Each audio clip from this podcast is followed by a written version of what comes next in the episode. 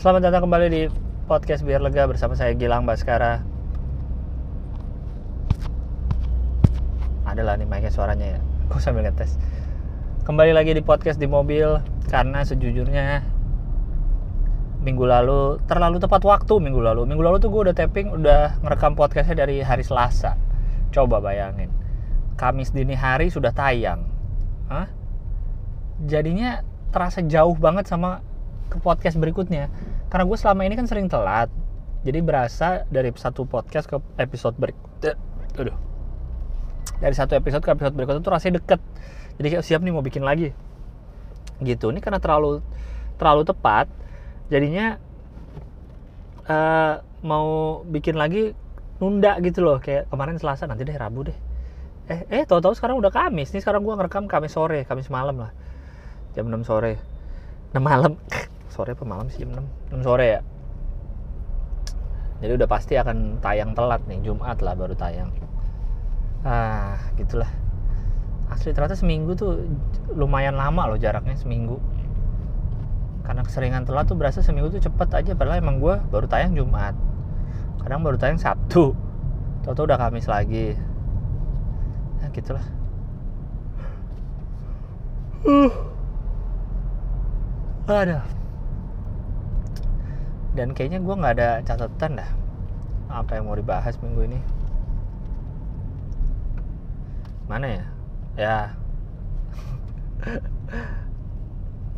Ada yang sudah beli sepatu stand up Indo? Wis mantap sekali. Akhirnya setelah itu dari kapan ya kami mulai ngobrolin sepatu tuh ya? April kali atau Mei. Mei atau April lah jadi awal mulanya tuh hmm, sebelumnya gue mau sebelumnya gue ada rencana bikin uh, sama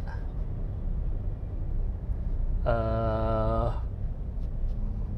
uh, uh. gue lupa deh kepikiran awalnya tuh gimana ya gue mau bikin sepatu ya buat stand up Indo ya lupa gue pokoknya gue awalnya kepikirannya adalah sama Brodo. Karena uh, gue kenal ada kenal lah orang yang kerja di Brodo beberapa. Nggak eh anjing. Kenal ada kenal lah yang orang Brodo dulu. Dulu gue punya sejarah dengan Brodo sih Brodo tuh brand pertama yang ngasih gue sesuatu barang gitu. Dulu ngasih sepatu. Kalau lo pernah ke Brodo di Bandung yang di gudang selatan tuh yang gede banget dulu tuh gue awal banget dia baru pindah ke situ tuh. Gue pindah ke Brodo ini anjing mobilnya udah dari kiri ke kanan sekarang kiri lagi. Wah, udah nyelak nyelak sana lo lewat lo mau ke mana lo anjing? Blok. Uh, ya Brodo awal. Sih gue maki-maki jalanan sama Brodo dulu kayak gitu sejarahnya. Awal banget tuh dia baru pindah gede banget tuh. Gue dapet sepatu di situ ngambil ngambil boleh ngambil sepatu. Sama Boris sama Awan Pamungkas yang sekarang udah nggak stand up lagi. Terus uh, udah setelah itu kayaknya hampir semua komik dikasihin sepatu sama Brodo tuh. Uh, banyak lah. Bahkan mungkin suci 4 kali ya atau suci 3 suci 4 tuh sepatunya semua Brodo sih ingat gue ya. Comic 8 juga disponsorin Brodo Brodo lah. Gue kepikiran tuh waktu itu tuh. Udah sempat ngobrol sama orang Brodo, Brodo main ke kantornya segala macam karena waktu itu Brodo ngeluarin yang seri kanvas uh, apa sih yang gue gue beli juga tuh Falcon ya? Eh Vulkan kok Falcon? Gue beli yang Vulkan udah udah ngomongin udah ngobrol-ngobrol. Nah terus agak lama tuh Brodo nggak uh, ada kabar. Sementara waktu itu udah udah mau deket mau pindah tahun karena kita ngejar kami ngejar uh, momen 10 tahun stand up Indo kan. Uh, mungkin Brodonya juga lagi sibuk banyak collab sekali atau apa lagi ini.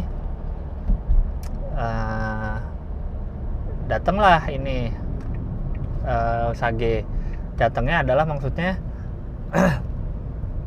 Sage ngirimin gua yang Hansa Plus. Kalau kalian tahu kan gua ngepromoin ikut ikut salah satu yang ngepromoin Sage Hansa Plus kan.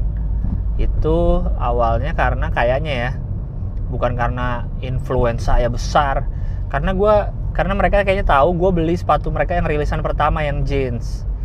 Jadi rilisan Sage pertama tuh gue beli tuh. Yang uh, jeans bahannya. Gue beli kayaknya dari situlah uh, gue pernah ngetek juga di IG kalau nggak salah mereka. Jadi di situ lo mungkin tahu terus akhirnya gue di, dikirimin lah sepatu yang Hansa Plus. Terus gue mikir kan wah ini kan Sagi juga sering nih uh, collab-collab bikin uh, collab-collab sepatu. Gimana kenapa nggak sama Sagi aja ya? Akhirnya gue tanyalah ke manajer gue karena manajer gue yang aduh ini baterai mau habis lagi lupa gue ganti baterainya. Mau masang power bank lagi nyetir ntar deh. Sambil gue awasin deh. Semoga nggak mati di tengah omongan.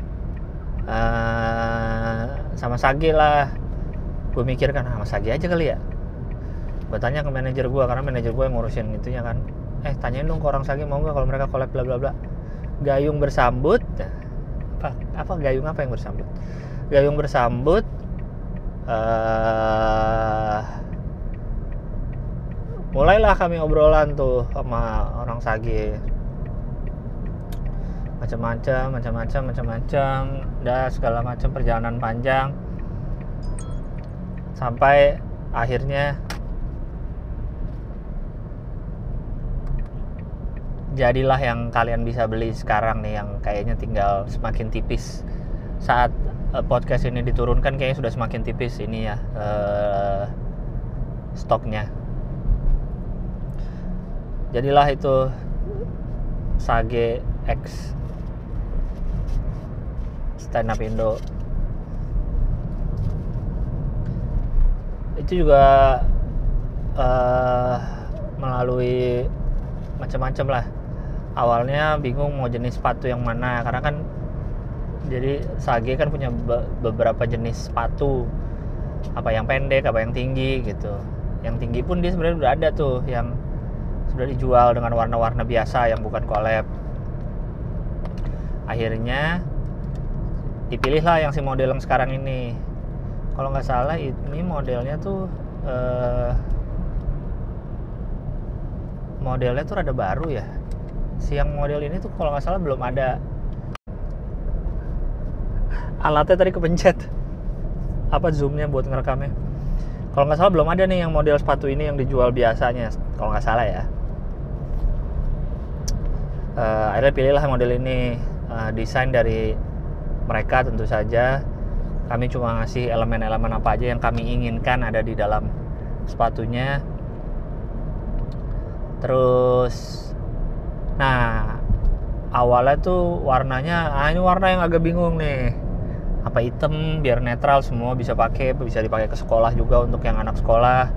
Apa marun apa navy apa hijau karena itu yang warna-warna aman lah.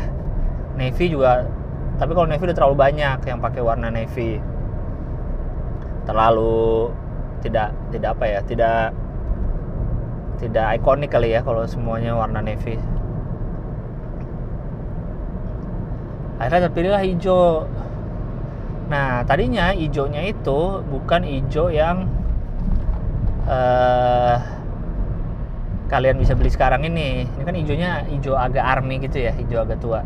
Tadinya itu lebih muda hijaunya. Hijaunya kayak apa ya? Tahu kompas sepatu kompas yang collab sama PMP nggak? Nggak tahu. Oh ada yang jawab. uh, hijaunya tapi nggak seterang itu. Kalau hijaunya PMP itu kan terang banget hijaunya. Tapi nggak seterang itu hijaunya. Gimana jelasinnya ya? Gitulah. Udah jadi nih. Oke hijau itu fix.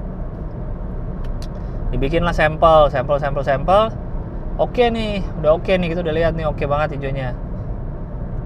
Uh, ternyata pas dicek ke vendor kainnya mereka tidak punya kain hijau itu untuk stok sebanyak yang kami kita mau yang kami mau untuk dibikin. Padahal sebelumnya vendornya bilang ada ya udah akhirnya sama Sage dikirimin lagi lah. Nih pilihan warna lain selain yang kemarin. Uh, hijaunya akhirnya dapatlah hijau ini hijau yang agak lebih tua lagi kayak gitu. Uh, selain warna hijaunya yang sempat ada kendala juga jadi tadinya kalau kalian lihat ini kan midsole-nya uh, putih aja gitu kan uh, polos midsole-nya gitu doang. Tadinya enggak. Tadinya di bagian kanan kirinya ada strip warna hijau putih merah kayak bendera Italia. Uh, strip hijau putih merah gitu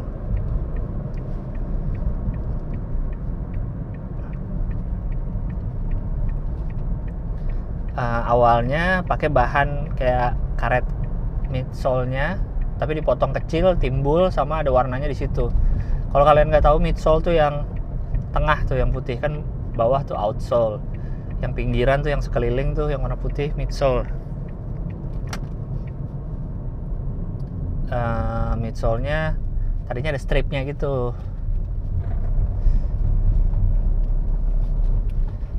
terus pas kita lihat kalau pakai karet tambahan jelek jadinya jadi kayak nonjol gitu kan midsole terus kayak rentan copot nggak sih gitu ngeliatnya kalau kesenggol-senggol apa keseringan pakai. Akhirnya dipilih lah dengan di sablon aja langsung di midsole. Uh, di sablon. Bisa tuh disanggupin. Oke ternyata pas mau produksi uh, saat si solnya itu midsole-nya di oven ya apa sih kayak dipanasin gitu kan itu kan istilahnya sepatu vulcanize kan kayak kompas kayak converse. Itu kan di full vulkanisir gitu ya vulcanize di saat dipanasin itu si sablonannya tuh retak-retak karena panasnya. Wah ya udahlah. Nggak ada pilihan. Ya udah akhirnya di, di take out. Akhirnya semua sepatunya tanpa si sablonan itu. Udah oke okay, terus covid makin parah kemarin kan pabrik mereka tuh di daerah Tangerang kalau nggak salah. Pegawainya banyak yang kena. Segala macam lah. Banyak yang sakit banyak yang kena. Jadi kendala lagi uh, apa namanya produksi mundur mundur. Makanya jadi akhirnya rilisnya di Agustus. Ini gue lagi pakai masker ya. Gue jalanin uh, prokes walaupun di dalam mobil jadi sorry kalau suaranya agak gak enak uh, apa namanya tadi? Sampai mana? Oh pabriknya. Pabriknya orang-orangnya ada yang sakit juga ada yang covid kan. Kita nggak ya mau gimana lagi emang covidnya lagi parah kemarin sempet kan. Ya udah. Jadi sempat mundur tuh produksi. Sampai ada yang ada yang sakit ada yang apa kayak gitu. Sampailah akhirnya. Jadi udah jadi pun kan harus dikirim dulu ke beberapa orang kan ke komik-komik uh, yang untuk mempromosikannya istilahnya ke FNF lah friends and family ya. jadi biasanya kalau sepatu-sepatu baru tuh sebelum dirilis ke publik ada yang dikirim ke ke FNF-nya lah semacam influencernya istilahnya FNF asik ya. friends and family dikirim dulu ke FNF kemarin juga nungguin dulu tuh karena pengennya serentak kan kita sama-sama ngepromoin. Cuma ya ada yang belum dapet. Oh, goblok-goblok nih motor nih hmm, mana?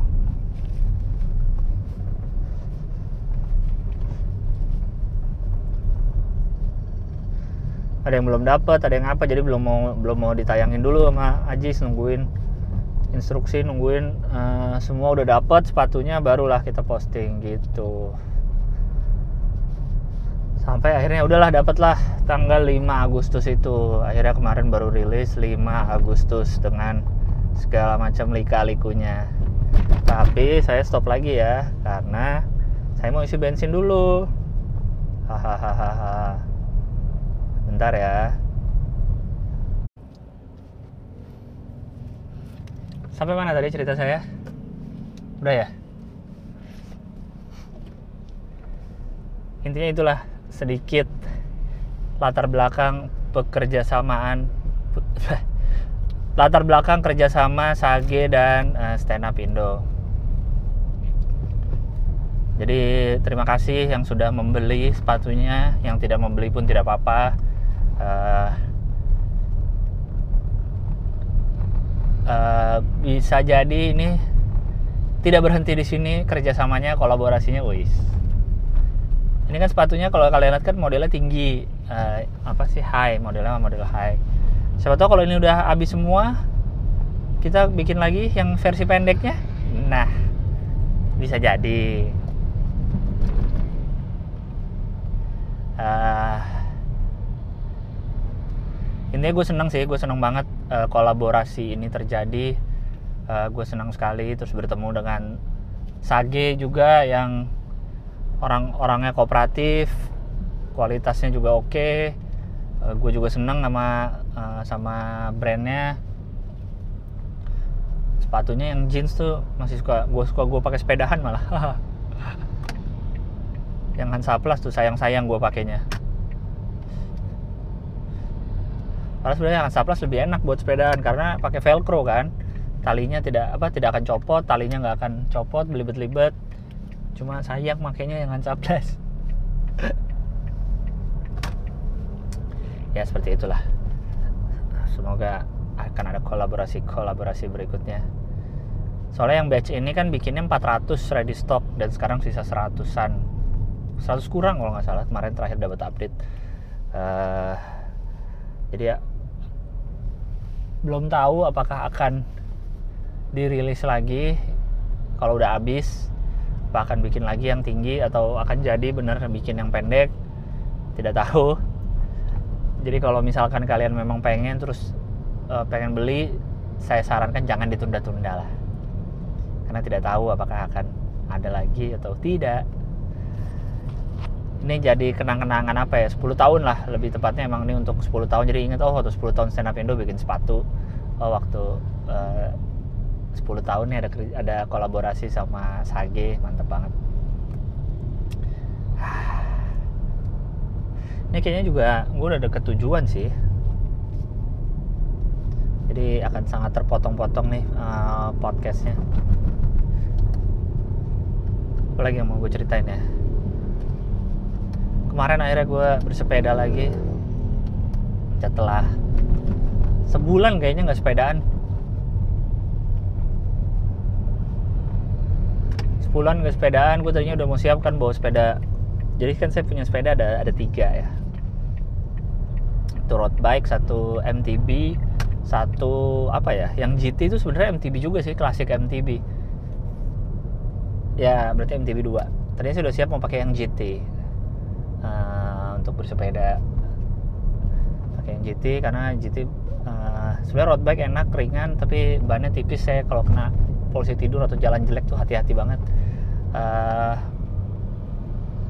sudah siap pakai yang GT udah keluar rumah cat cat cat baru sampai depan kompleks saya ngerem. Pek ngerem belakang. Loh kok tidak balik? Jadi kalau di, ditekan rem belakangnya ngerem ke velgnya kan remnya masih uh, V-brake ya bukan uh, apa namanya cakrap set ngerem tapi tidak balik. Saya lihat-lihat aduh susah nih mah harus diminyakin benerin. Ah akhirnya daripada ribet saya balik lagi ke rumah tukar sepeda road bike. Dipompa dulu ya akhirnya naik road bike deh. Tapi cukup bersyukur sih naik road bike karena kemarin ternyata lumayan jauh rute yang dipilih. Uh, eh, gue diajak temen gue ke daerah Pamulang tuh kan ke yang gue juga baru tahu tempatnya dapur tahu Napotet namanya. Eh dapur apa pabrik? Pabrik tahu kayaknya pabrik tahu Napotet. Uh, lumayan jauh. Sekali sekali jalan aja udah 20-an kilo. Sekali jalan. Biasanya gue sekali jalan belasan lah. Ini kemarin sekali jalan 23 jadi pulang pergi. Terus uh, dari berangkatnya janjian di Pondok Indah uh, berangkatnya lewat Lebak Bulus Ciputat situ terus ke arah Pamulang. Pulangnya uh, sama temen gue kan nyari rute lain lah biar nggak lewat situ lagi kan. Uh, akhirnya lewat Bintaro. Jadi kembali ke arah Pondok Indah tapi lewatnya Bintaro dari Pamulang. Sebenarnya bukan Pamulang ya hampir BSD kayaknya. Udah deket-deket BSD lah itu. Pulangnya lewat Bintaro berpisah gue berdua di Pondok Indah. Uh, totalnya sampai rumah gue 50 kilo mantep sekali dan beruntungnya pakai road bike karena enteng sih. Kalau gue pakai sepeda lain yang gue punya tuh kayaknya akan sangat capek kayaknya gue dengan sepeda yang lain. Nggak tahu sih. Cuman ya mungkin lebih enak secara jalanan banyak jalan jelek ya.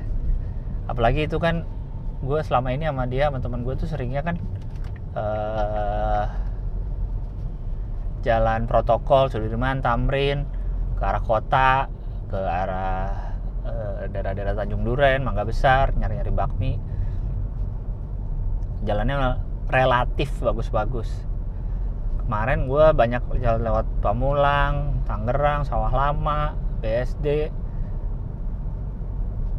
ada yang bagus tentu tapi ada juga yang gerenjel-gerenjel biasa lah tapi nggak sebenarnya nggak ngaruh juga sih toh di jalan gede pun lu mau lewat Sleepy juga apalagi flyover turunan Sleepy itu gelombang. Gue paling bingung sama aspal bergelombang. Dah kok bisa aspal bergelombang sih?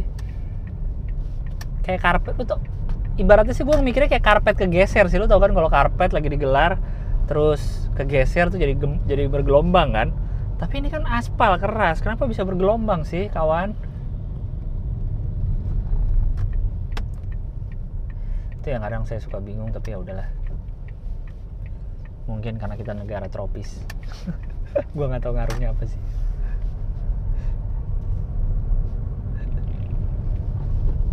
Mungkin aspalnya jelek kali. Enggak lah nggak mungkin. Aspal pilihan pemerintah pasti bagus. Uh, mungkin aspalnya belum kering banget kena truk atau apa jadi ke oh memuai. Bener kita karena negara tropis. Kan panas. Rel kereta api aja kan menurut pelajaran bisa memuai kalau kena panas. Makanya ini mungkin kena panas jadi ah gitulah tapi seru banget sih kemarin. Dan anehnya walaupun nah mungkin karena pakai road bike kali ya tapi temen gue juga pakai gravel dia bilang nggak kerasa juga. Nyampe udah 20 kilo tuh nggak kerasa loh. Gue goes nih kan goes goes goes goes. Gue belum pernah temen gue pernah kena potet itu tapi udah lama jadi dia juga agak lupa lupa jalannya. Gue belum pernah sama sekali jadi tidak ada expect nih kapan yang nyampe nya gitu goes aja. Nggak kerasa tau tau udah di Pamulang tau tau udah sampai beneran nggak kerasa sih kalau menurut gue ya apa karena pakai road bike kali? Atau ya nggak tau lah. Yang pasti gue mesti ada PR mesti benerin rem belakang GT gue dan yang MTW gue tuh sepeda penuh kenangan yang sepeda paling pertama yang gue punya. Belum dibenerin lagi belum bisa dipakai karena uh, cakram belakangnya tuh bermasalah. Belum gue udah beli baru sih kayak karena sebelumnya udah pernah dibenerin tuh. Itu kan udah dari 2000 cakramnya tuh gue beli dari teman mungkin 2013 kali atau 2014 gue rada lupa. Uh, udah pernah dibenerin. Makanya kenapa ya sekarang gue beli aja nggak mau dibenerin? Karena udah pernah. Dan gini lagi mungkin ah emang udah umur aja kali mungkin. Jadi gue udah beli yang baru nih Shimano uh, rem yang standar sih rem belakang apa hidrolik apalah tipenya. Cuman entahlah. Yang GT nih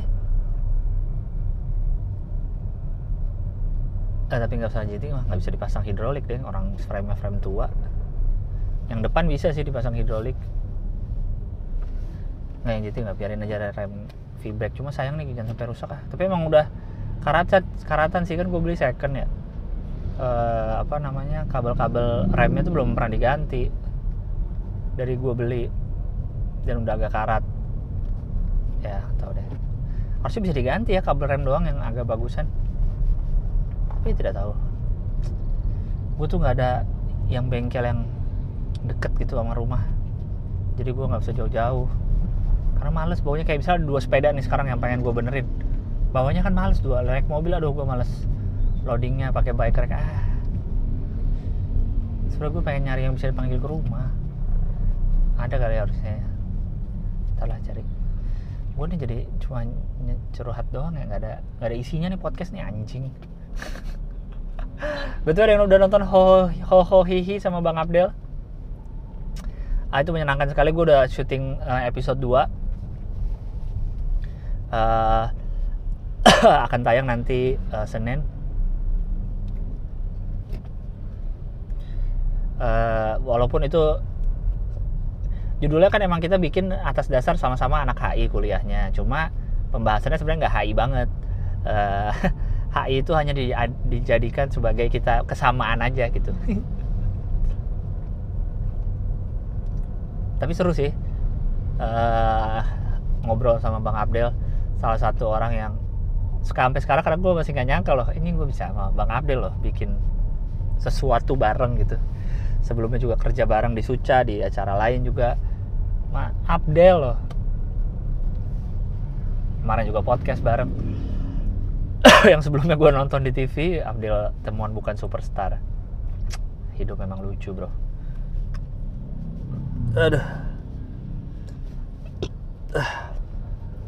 Kayaknya ini total tadi yang cut pertama 5 menit yang kedua tadi 5 menit sebelum isi bensin. Sekarang berapa? 11 menit. Isinya cuma gue nggak jelas ya curhat sepeda lah apalah. Ini gue lagi mau ke rumah Us nih ntar lagi sampai. Kemarin gue uh, waktu pulang dari sepedaan itu waktu pulang ke arah-arah lewat Bintaro nih gue ngelewatin depan komplek rumah Us nih. Jauh juga kemarin gue sepedaan tuh sebenarnya kalau dipikir-pikir.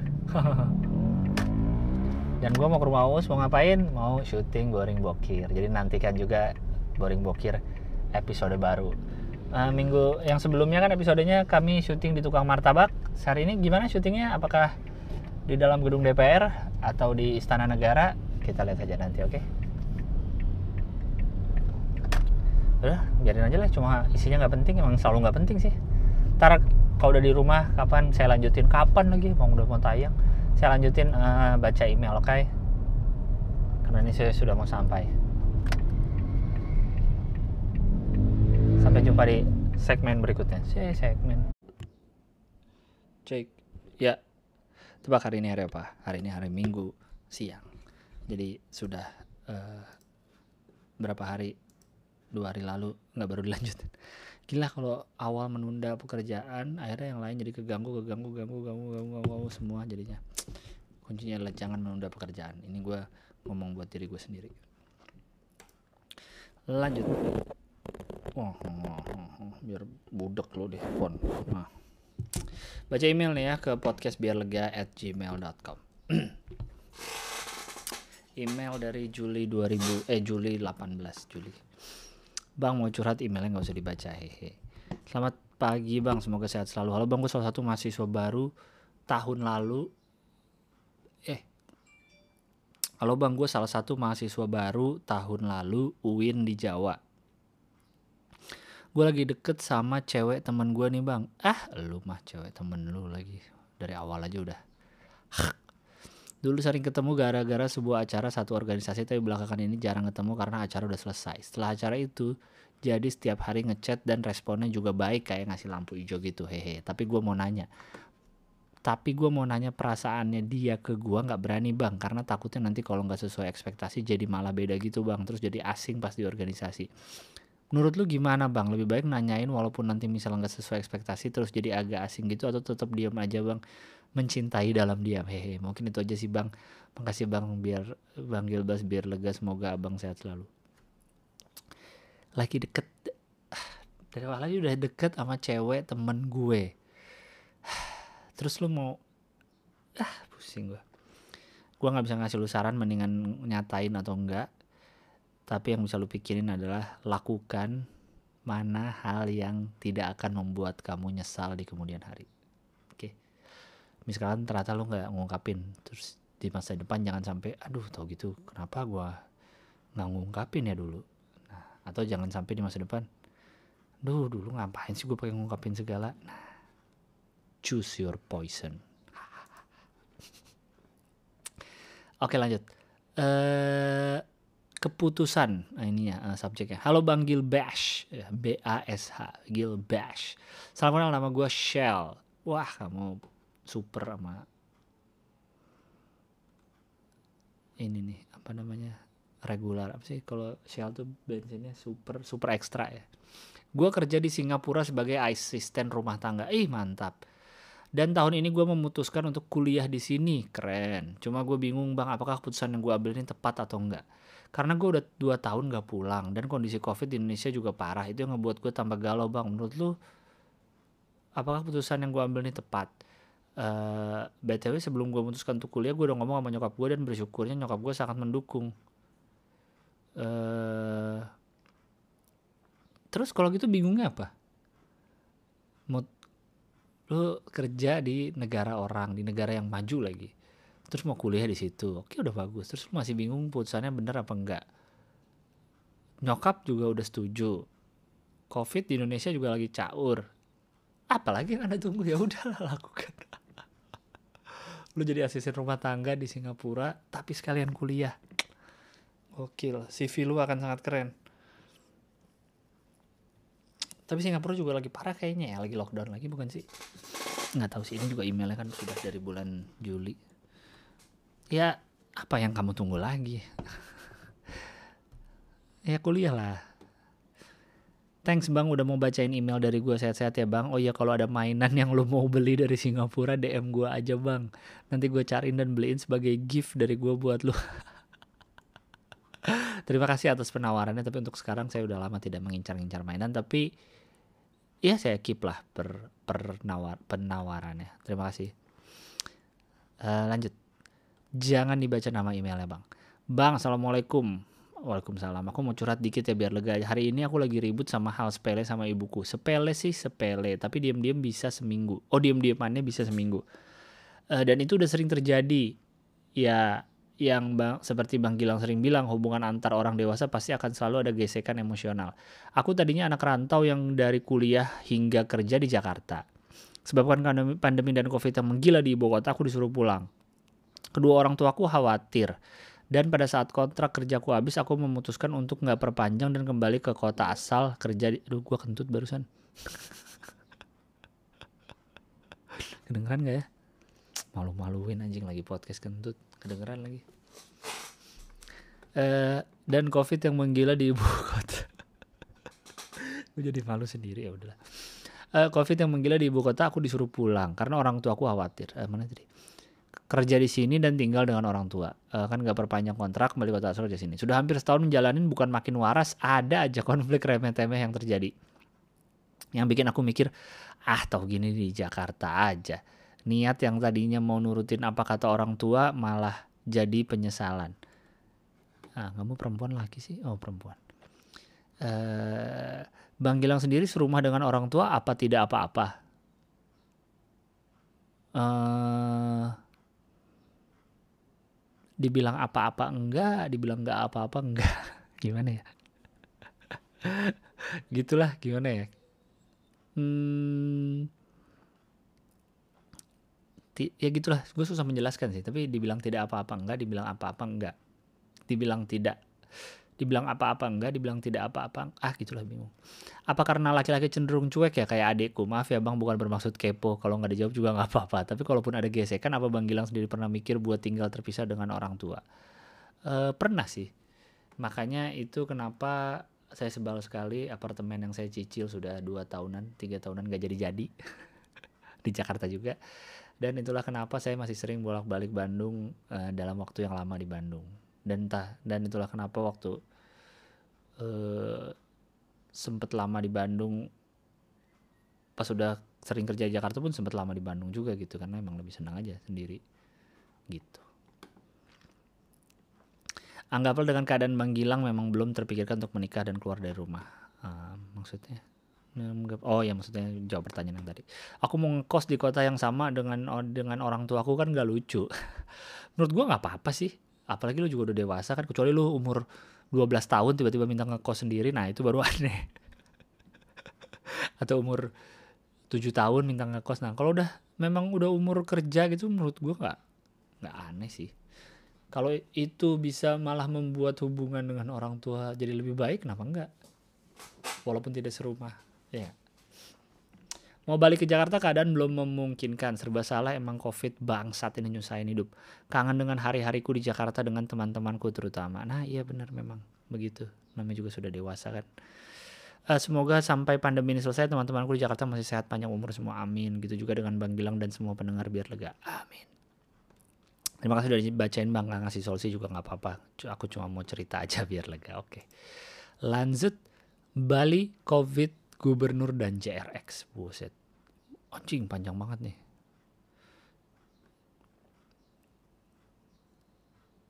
Uh, uh, uh, uh, uh, uh, dari emailnya dari bulan Juli 21 Juli. Uh, halo Bang, kenalin saya pendengar baru podcast Biar Lega. Sebenarnya udah lama ngikutin Bang Gilang sebagai komika, tapi baru beberapa minggu terakhir ini maraton denger podcast Biar Lega karena kebetulan episode PAM udah habis. Dan gak tahu mau denger podcast apa lagi buat nemenin waktu-waktu ngelukis tugas akhir. Bagus saya didengar karena uh, uh, denger PAMnya udah habis. Gak apa-apa, karena saya juga pendengar PAM dan saya sangat terinspirasi dari PAM. Jadi gini Bang, saya sangat sepakat dengan yang Bang Gilang katakan bahwa COVID ini adalah suatu hal bahwa COVID ini adalah satu hal dan kebijakan pemerintah adalah hal lain. Saya ini bukan orang yang parno sama COVID, tapi bukan tipe orang yang abai juga. Yang penting prokes dan disiplin. Urusan nanti COVID ini benar atau enggak, setidaknya saya udah pegang payungnya lah. Terus yang saya yang bikin heran dari pandemi adalah kebijakan dari pemimpinnya. Dalam hal ini yang saya maksud adalah Pak Wayan sang gubernur jenius. Nah, ini saya senang nih.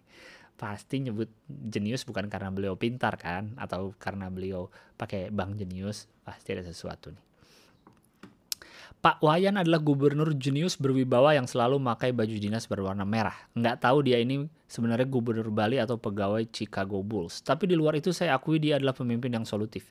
Dia rutin memberikan bantuan ke masyarakat berupa himbauan-himbauan dan surat edaran yang sering kali ia revisi sendiri.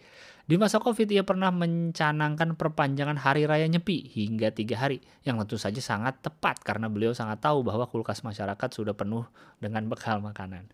Lagi pula mungkin itu karena saking cintanya ia dengan alam sehingga harus diistirahatkan lebih lama lagi. Dalam penanganan pandemi ia berhasil mengontrol penyebaran virus.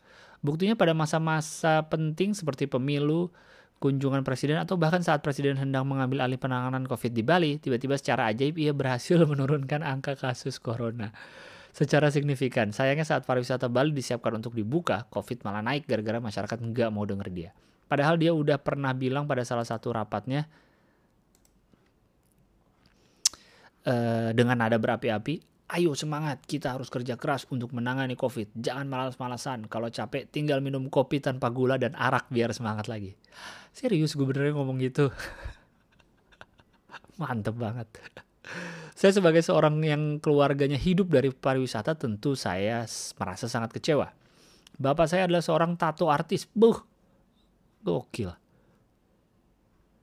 Dan punya studio tato sendiri yang mana sekarang tidak punya mata pencarian lagi. Padahal sewa studio baru diperpanjang bulan Desember 2019 senilai 400 juta, tapi udah harus ditutup 3 bulan setelahnya. Iya juga ya Desember akhir. Desember 2021 ini kontraknya akan habis dan sudah tidak ada lagi uang untuk memperpanjang. Satu setengah tahun kami hidup tanpa pemasukan yang jelas. Bapak saya harus menghidupi 13 orang. Karena dia sudah komit untuk membiayai adik perempuan yang janda dengan lima anak nggak cuma biaya hidup, kami dipusingkan dengan cicilan untuk modal usaha tato yang tentu saja tetap harus dibayar dan itu pun angkanya nggak kecil. Segala bentuk kebijakan yang dicoba pemerintah untuk menolong Bali sama sekali nggak ada efeknya buat kami. Dari solusi work from Bali, nggak mungkin kan ada pegawai pemerintahan yang pengen ditato, iya juga sih. Lagian mau usaha apa aja susah di sini. Ekonomi di sini berputar karena ada uang masuk dari luar negeri. Ketika bandara ditutup untuk internasional ya udah macet aja pergerakannya dari hulu sampai hilir. Dari pengusaha sampai kuli. Di satu titik kami coba bangkit. Kami beranikan diri untuk buka usaha angkringan di rumah yang tentu saja menggunakan modal juga. Usahanya cukup lancar dan syukurnya bisa memenuhi kebutuhan bertahan hidup. Itu sebelum PSBB menyerang. Di tempat saya ada masa di mana semua usaha harus tutup jam 7 malam. Dan pasti Bang Gilang tahu bagaimana kelanjutan usaha angkringan yang idealnya ramai di jam malam. Ya tentu. Ini menjawab pertanyaan kenapa JRX sangat didukung di Bali. Kami punya keresahan yang sama, kemarahan yang sama, dan rasa tanggung jawab untuk hidup kembali bersama.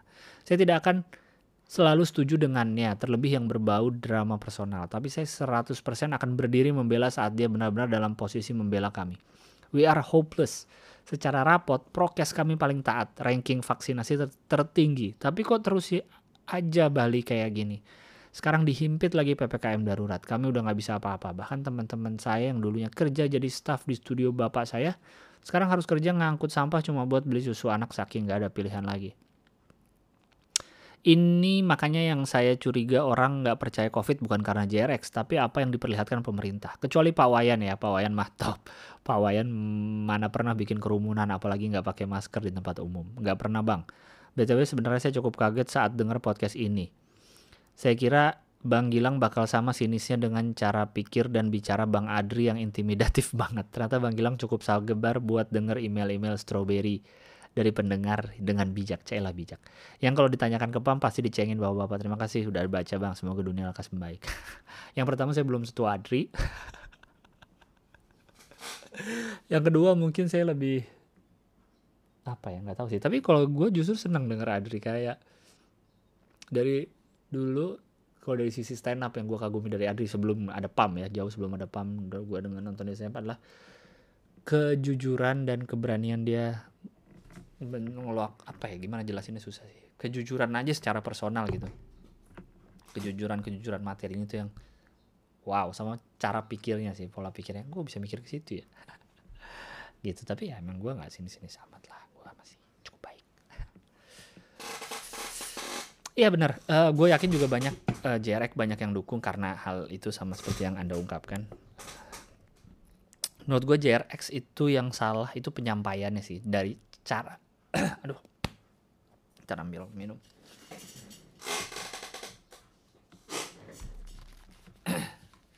Menurut gue yang dibikin orang jadi nggak simpatik atau jadi sebelah sama JRX adalah cara caranya.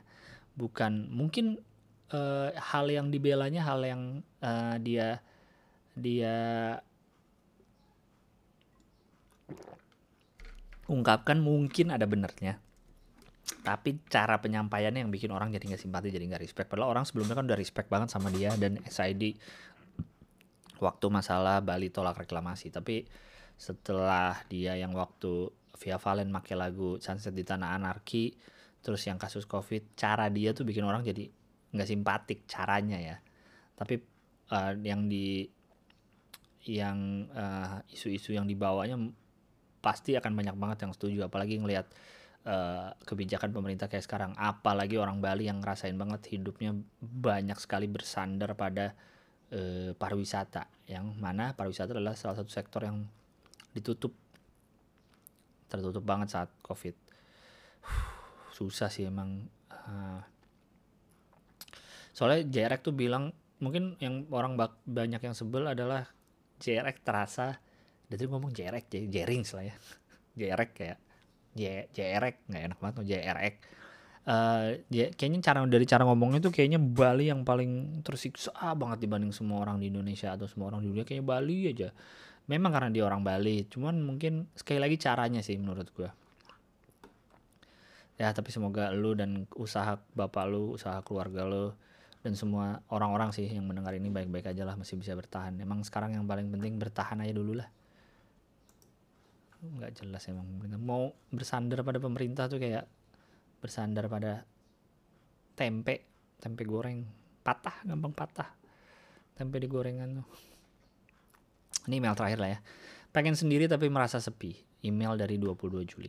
Halo Mas Gilang Terima kasih emailnya sudah sebelumnya sudah dibaca dan ditanggapin yang membuat aku sedikit tenang dan lega. Mau cerita lagi nih, selamat menikmati. Oh udah. Uh, jadi udah dua minggu ini kuliahku libur, bukan libur semester tapi libur sebagai kepedulian kampus uh, untuk mahasiswa dan dosen agar memprioritaskan kesehatannya di masa pandemi yang makin gak karuan. Karena meskipun kuliahnya online, ternyata banyak yang positif COVID ataupun stres dengan tugas dan keadaan. Dan di dua minggu ini aku merasa sangat kesepian. Udah dua minggu gak keluar rumah, gak ketemu orang dan gak cerita keluh kesah ke orang lain. Sebenarnya sendi kesendirian udah biasa untukku, cel. Cuma kali ini aku benar-benar ngerasa stres banget. Sekarang aku bingung mas, aku punya pendirian untuk jadi perempuan yang mandiri. Sampai sekarang pun sebenarnya aku belum tertarik sama pacaran karena takut menyusahkan orang lain. Karena harus ngurusin aku inilah itulah dan aku juga nggak mau menaruh harapan tinggi ke orang lain takut sakit hati sendiri. Nah bagus. Eh, tapi di akhir-akhir ini aku merasa butuh partner yang bisa dengerin keluhanku, ngasih semangat atau jadi teman diskusi setiap hari. Tapi aku juga masih takut nanti kecewa atau mengecewakan orang lain. Gimana ya mas? Apa pilihan untuk sendiri itu salah ya mas? Intinya kan manusia itu kan makhluk sosial yang kita telah pelajari kan, butuh interaksi ya kan. Kamu walaupun sendiri pasti juga butuh interaksi entah sama orang secara langsung atau lewat chat segala macam. Uh, ini mungkin maksudmu bagus karena takut menyusahin orang lain tapi kayaknya eh dan ini benar jangan naruh harapan tinggi ke orang juga. Jangan sampai kebahagiaanmu bergantung pada faktor eksternal karena akan susah nantinya. Eh apa ya mungkin ini pikiran terlalu overthink kali ya pikiranmu yang terlalu jauh. Jadi udah keburu takut duluan gitu, udah takut nyusahin takut eh ntar nggak mau ini bahagia ke orang lain. Aduh takut apa tapi butuh gini-gini. Itu sih. Ya udah kalau emang itu cari orang yang bisa diajak curhat. Tapi ya udah kamu kan tahu nih kamu kalaupun kamu deketin orang atau kamu ada orang yang deket ya udah. Karena tahu kamu tahu nyusahin dan eh, nggak mau naruh harapan ya udah lakukan itu aja jadi sama si orang ini kamu tidak menaruh harapan terlalu banyak dan kamu juga jangan nyusahin dia gitu. Jadi karena dia yang seperti engkau inginkan. Masih semangat mendengar keluhan mencium kening. Nggak ya? Nggak ada mencium kening ya? Ya itu maksudnya. Eh, enggak lah. Pada akhirnya juga walaupun ujungnya saat kita mati nanti kita sendirian tapi tetaplah sesendiri sendirinya orang pasti butuh partner untuk ngobrol untuk orang untuk ngobrol untuk berinteraksi. Mau orang yang sampai akhir hayat hidupnya tidak nikah pun pasti kan dia punya temen dia punya orang untuk ngobrol tetap itu harus sih. Kalau nggak isi gila nanti kita. Dah ah akan segera saya upload. Gini nih emang nggak bisa dapat hal-hal bagus gua. Minggu lalu sangat tepat waktu minggu berikutnya pasti caur nih podcast nih. Ah ada ada aja dah. Minggu depan nih deket nih jaraknya nih berasa nih. Jadi biasanya sih nggak telat yang kedua. Biasanya yang setelahnya nanti telat lagi. Udah. Oke. Ah, terima kasih banyak sudah mendengarkan. Sampai jumpa di episode berikutnya. Sehat-sehat selalu